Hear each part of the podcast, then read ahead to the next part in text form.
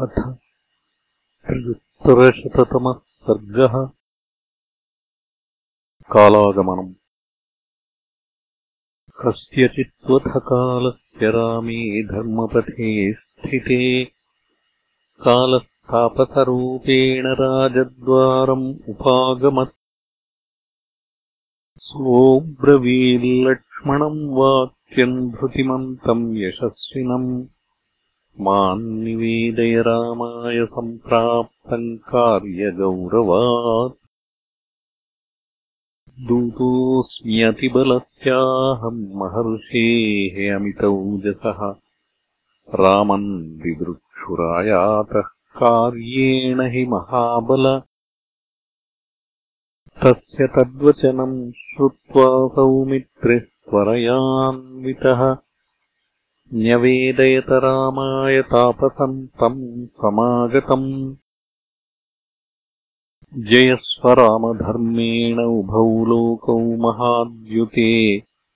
दूतस्त्वाम् द्रष्टुमायातः तपसा भास्करप्रभः। तद्वाक्यम् लक्ष्मणेनोक्तम् श्रुत्वा राम उवाचः प्रवेश्यताम् मुनिस्तातमहौजाः तस्य वाक्यधृत् सौमित्रिस्तु तथेत्युक्त्वा प्रावेशयत तम् मुनिम्। ज्वलन्तमिव तेजोभिः प्रदहन्तमिवांशुभिः सोऽभिगम्य रघुश्रेष्ठम् दीप्यमानम् स्वतेजसा ऋषिर्मधुरया वाचावद्धस्वेत्याह राघवम्।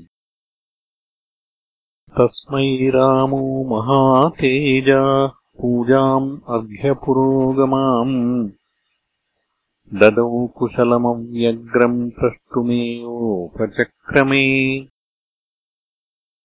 पृष्टश्च कुशलम् तेन रामेण वदताम् वरः आसने काञ्चने दिव्ये निशसादमहायशाः।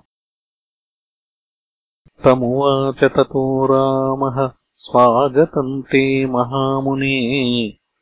प्रापयस्व च वाक्यानि यतो दूतस्त्वमागतः। चोदितो राजसिंहेन मुनिर्वाक्यम् अभाषत द्वन्द्वमेतत्प्रवक्तव्यम् हितम् वै यद्यपेक्षसे। यः शृणोति निरीक्षेद्वा स वध्यो भविता तव। भवेद्वै मुनिमुख्यस्य वचनम् यद्यपेक्षसे। स तथेति प्रतिज्ञाय रामो लक्ष्मणमब्रवीत् द्वारितिष्ठमहाबाहो प्रतिहारम् विसर्जय। समेवध्यः खलु भवेत्कथा द्वन्द्वम् समीरितम्। ऋषेर्मम च सौमित्रे पश्येद्वा शृणुयाच्च यः